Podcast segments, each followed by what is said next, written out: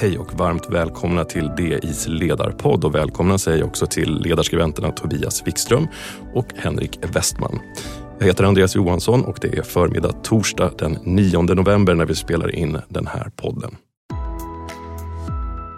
Ja, tre företag som står i centrum för en intensiv debatt om kollektivavtalet. Klarna, Spotify och Tesla. Klarna kröp till korset den här gången. Eh, den gångna helgen ska säga, tecknade ett avtal. Vad är det för skillnad på de här tre fallen, Tobias? Ja, det är ju tre olika slags företag naturligtvis. Eh, Klarna är ju ett, det vet vi nu, att de är en bank för de valde att teckna kollektivavtal med Finansförbundet och inte med Unionen som man först trodde. Men skillnaden är ju att de har olika bakgrund. Likheten är ju att de är att de är innovativa techföretag naturligtvis. Men de har lite olika bakgrund i hur de har tillkommit. Eh, Klarna var ju ett innovativt företag. Eh, när de bildades en gång i tiden så undrar man var, var ska det här sluta och så vidare. Men de har ju varit enormt framgångsrika. Det är ett helt svenskt företag och någonstans så är det ju ett, det är ett finansföretag. Eh, Tesla eh, är ju oerhört innovativt när det gäller eh, sin utveckling och fantastiska snabba utveckling av, av elbilen. Men här i Sverige så, är det ju, så har de ju verkstäder och bilförsäljning. Det är ju low tech får man säga. Och Spotify, och Spotify är ju svenskt men har ju väldigt snabbt blivit ett globalt företag och har ju så att säga lämnat Sverige eh, mentalt skulle jag kunna tänka mig. Och alla de här tre faktorerna på lite olika sätt har väl påverkat deras motvilja till, eller deras undran inför det här att teckna kollektivavtal.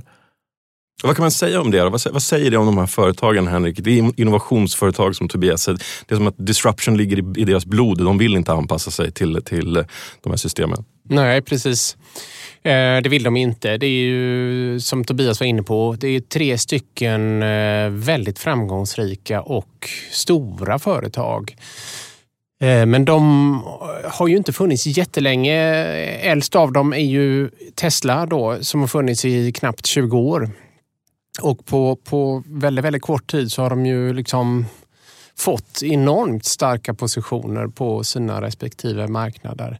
Och jag tror att ett av skälen till att de, de, de har blivit så framgångsrika det är ju att de har gjort saker och, och ting på, eh, på sitt sätt. De har inte rättat in sig i, i vad ska man säga, efter gamla, gamla normer och, och eh, traditionella sätt att agera.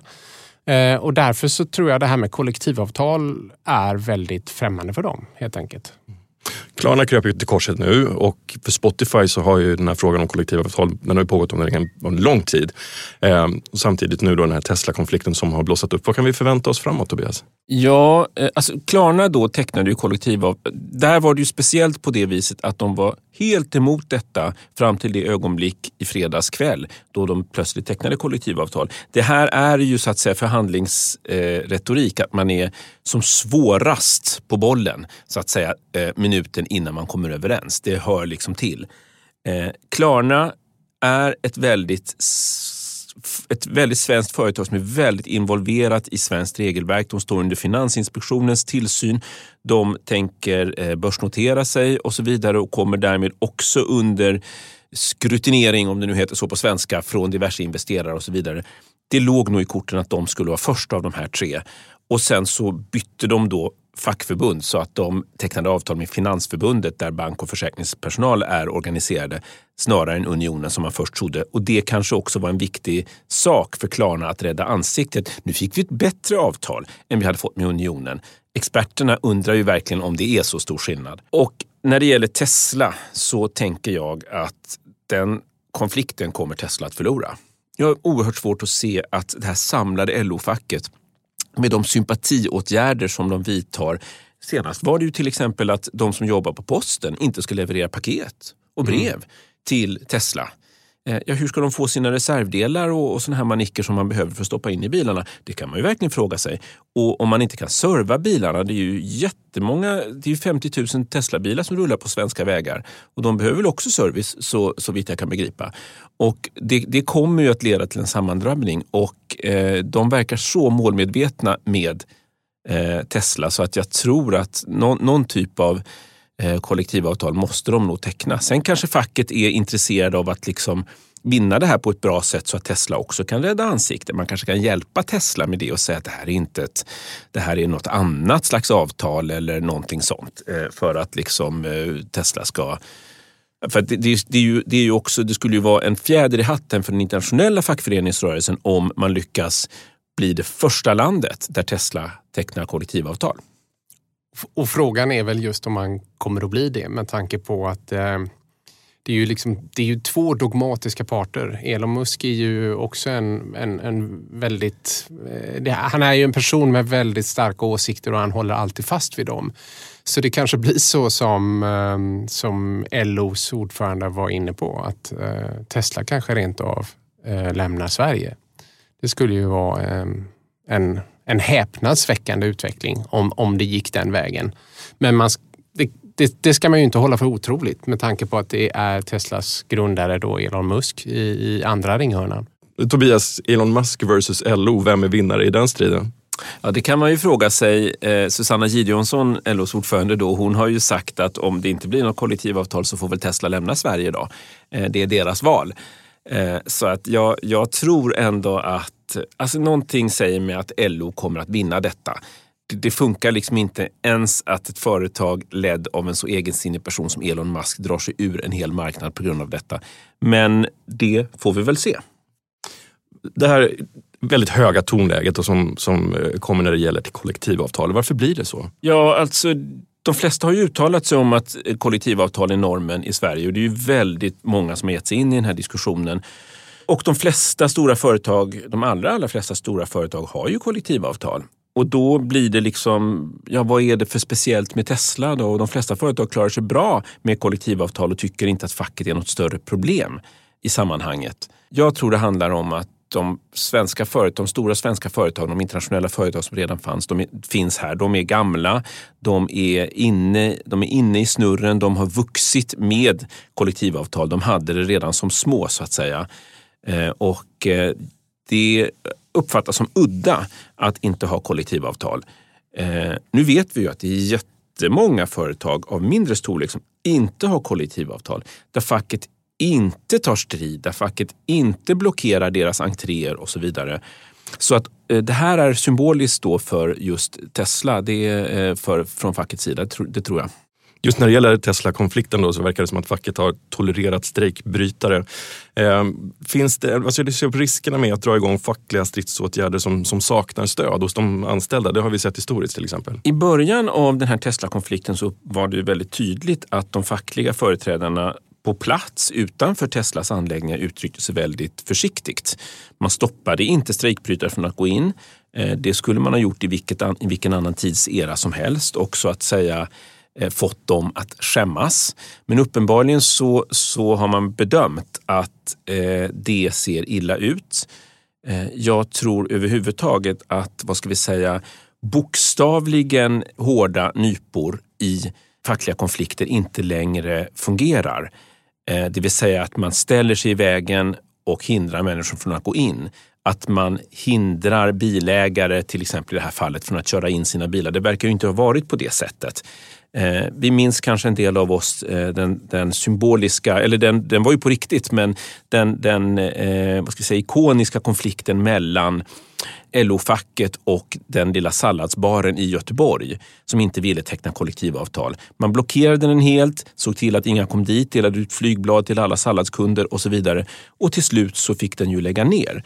Och facket fick ju dåligt rykte på grund av det här för man krossar, man krossar en entreprenör. Eh, och Det där tror jag att man försöker passa sig för därför att de vet att det, det folkliga stödet för fackföreningsrörelsen är inte starkare än att man sympatiserar med deras, med deras eh, högre mål så att säga.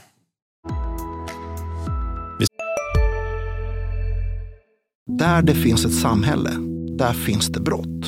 Krimrummet är podden som tar brottsligheten på allvar.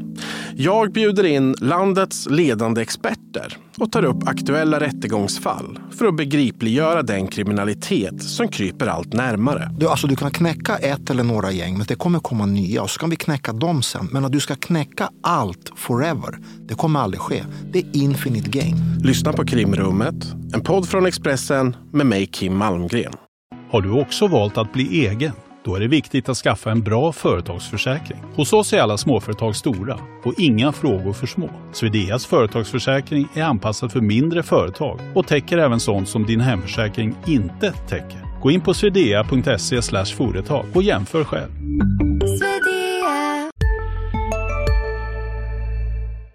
Ska byta tvärt ämne och eh, vända blicken österut. Kriget i Ukraina har hamnat i skuggan av konflikten i Mellanöstern.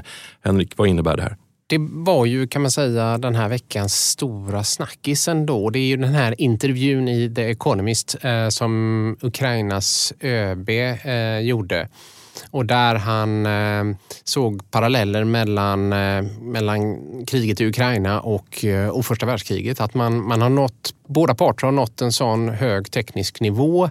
Styrkeförhållandena är så jämna så att det uppstått någon form av eh, dödläge. Det beror lite på hur man, hur man, hur man vill se på det då. Eh, president Zelensky han, han avfärdade, avfärdade det ju och eh, det gjorde ju också ryssarna, de avfärdade det. Eh, och det är väl så att det, det är väl inte liksom uppbyggligt för, eh, för soldaterna på marken att prata om ett, eh, ett dödläge. Men ponera då att det skulle ha uppstått ett stillestånd. Det är ju heller kanske inte det värsta tänkbara scenariot. Det har ju uppstått för att väst har stöttat Ukraina och man har kunnat liksom hålla tillbaka den, den ryska anstormningen. Och om man nu får någon sorts eh, dödläge eller stillestånd så kommer ju Ukraina fortsätta exempelvis eh, eh med sina förhandlingar för att komma med i EU och eh, Nato. En annan intressant parallell man kan dra är ju faktiskt Koreakriget då på 50-talet. Det, det har ju inte formellt slutits någon fred mellan de två länderna utan det är ju ett vapen, vapenstillestånd. Men, men från det eh, så har ju de här två länderna utvecklats i, i varsin helt olik riktning får man ju säga. Men finns det en risk att det här dödläget då tillsammans med att västvärlden nu vänder blicken mot konflikten i Mellanöstern, finns det en risk att vi, eh, att vi tappar bistånd och att vi tappar vårt stöd till Ukraina? Ja, framförallt i USA eh, där det finns ju starka strömningar inom det republikanska partiet, tyvärr får man ju säga, eh, som, som inte är särskilt förtjusta i stödet till eh, Ukraina och där det finns många republikaner, bland annat den ganska nyvalde talmannen som har då i samband med diskussioner kring fortsatt stöd till Ukraina eh, röstat nej.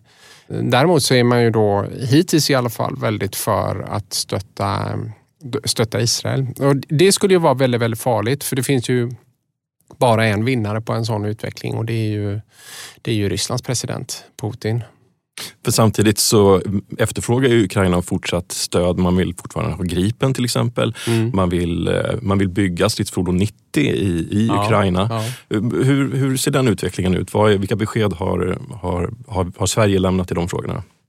Ja, det, det hände ju också faktiskt här i veckan. Det var ju kring Gripen då. Ehm, det var ju att Försvarsmakten har gjort klart en analys som regeringen bad dem göra huruvida man kan ehm, avvara eh, några av de operativa Gripenplan som vi har i Sverige.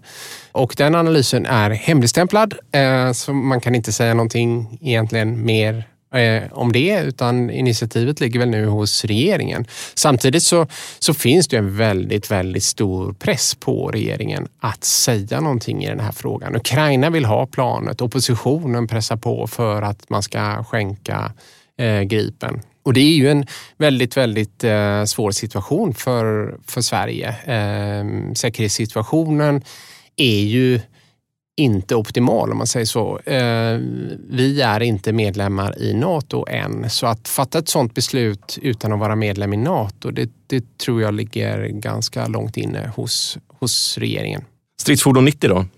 Ja, stridsfordon 90 var ju eh, verkligen eh, någonting som, som Ukraina är glada i. De har ju fått 50 stycken redan och de använder den och det anses ju vara världens bästa stridsfordon.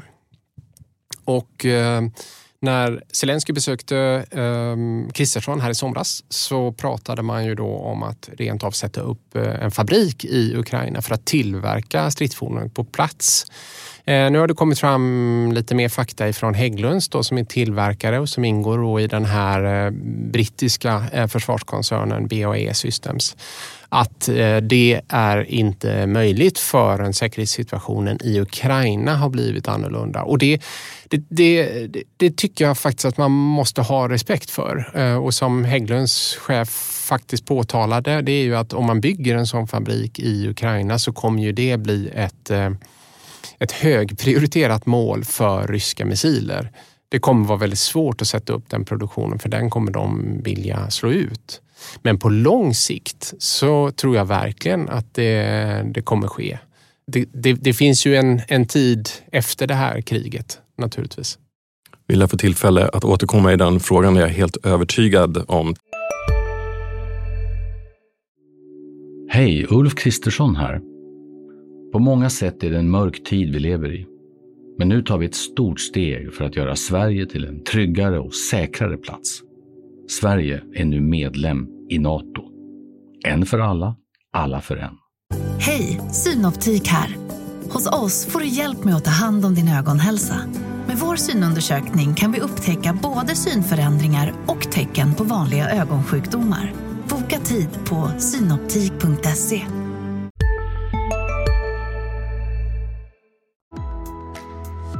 Tack Henrik Westman och tack Tobias Wikström. Missa inte våra andra poddar, Digitalpodden, Makrorådet, Analyspodden och Ögonblicket. Ansvarig utgivare är Peter Fällman och vi hörs igen nästa vecka.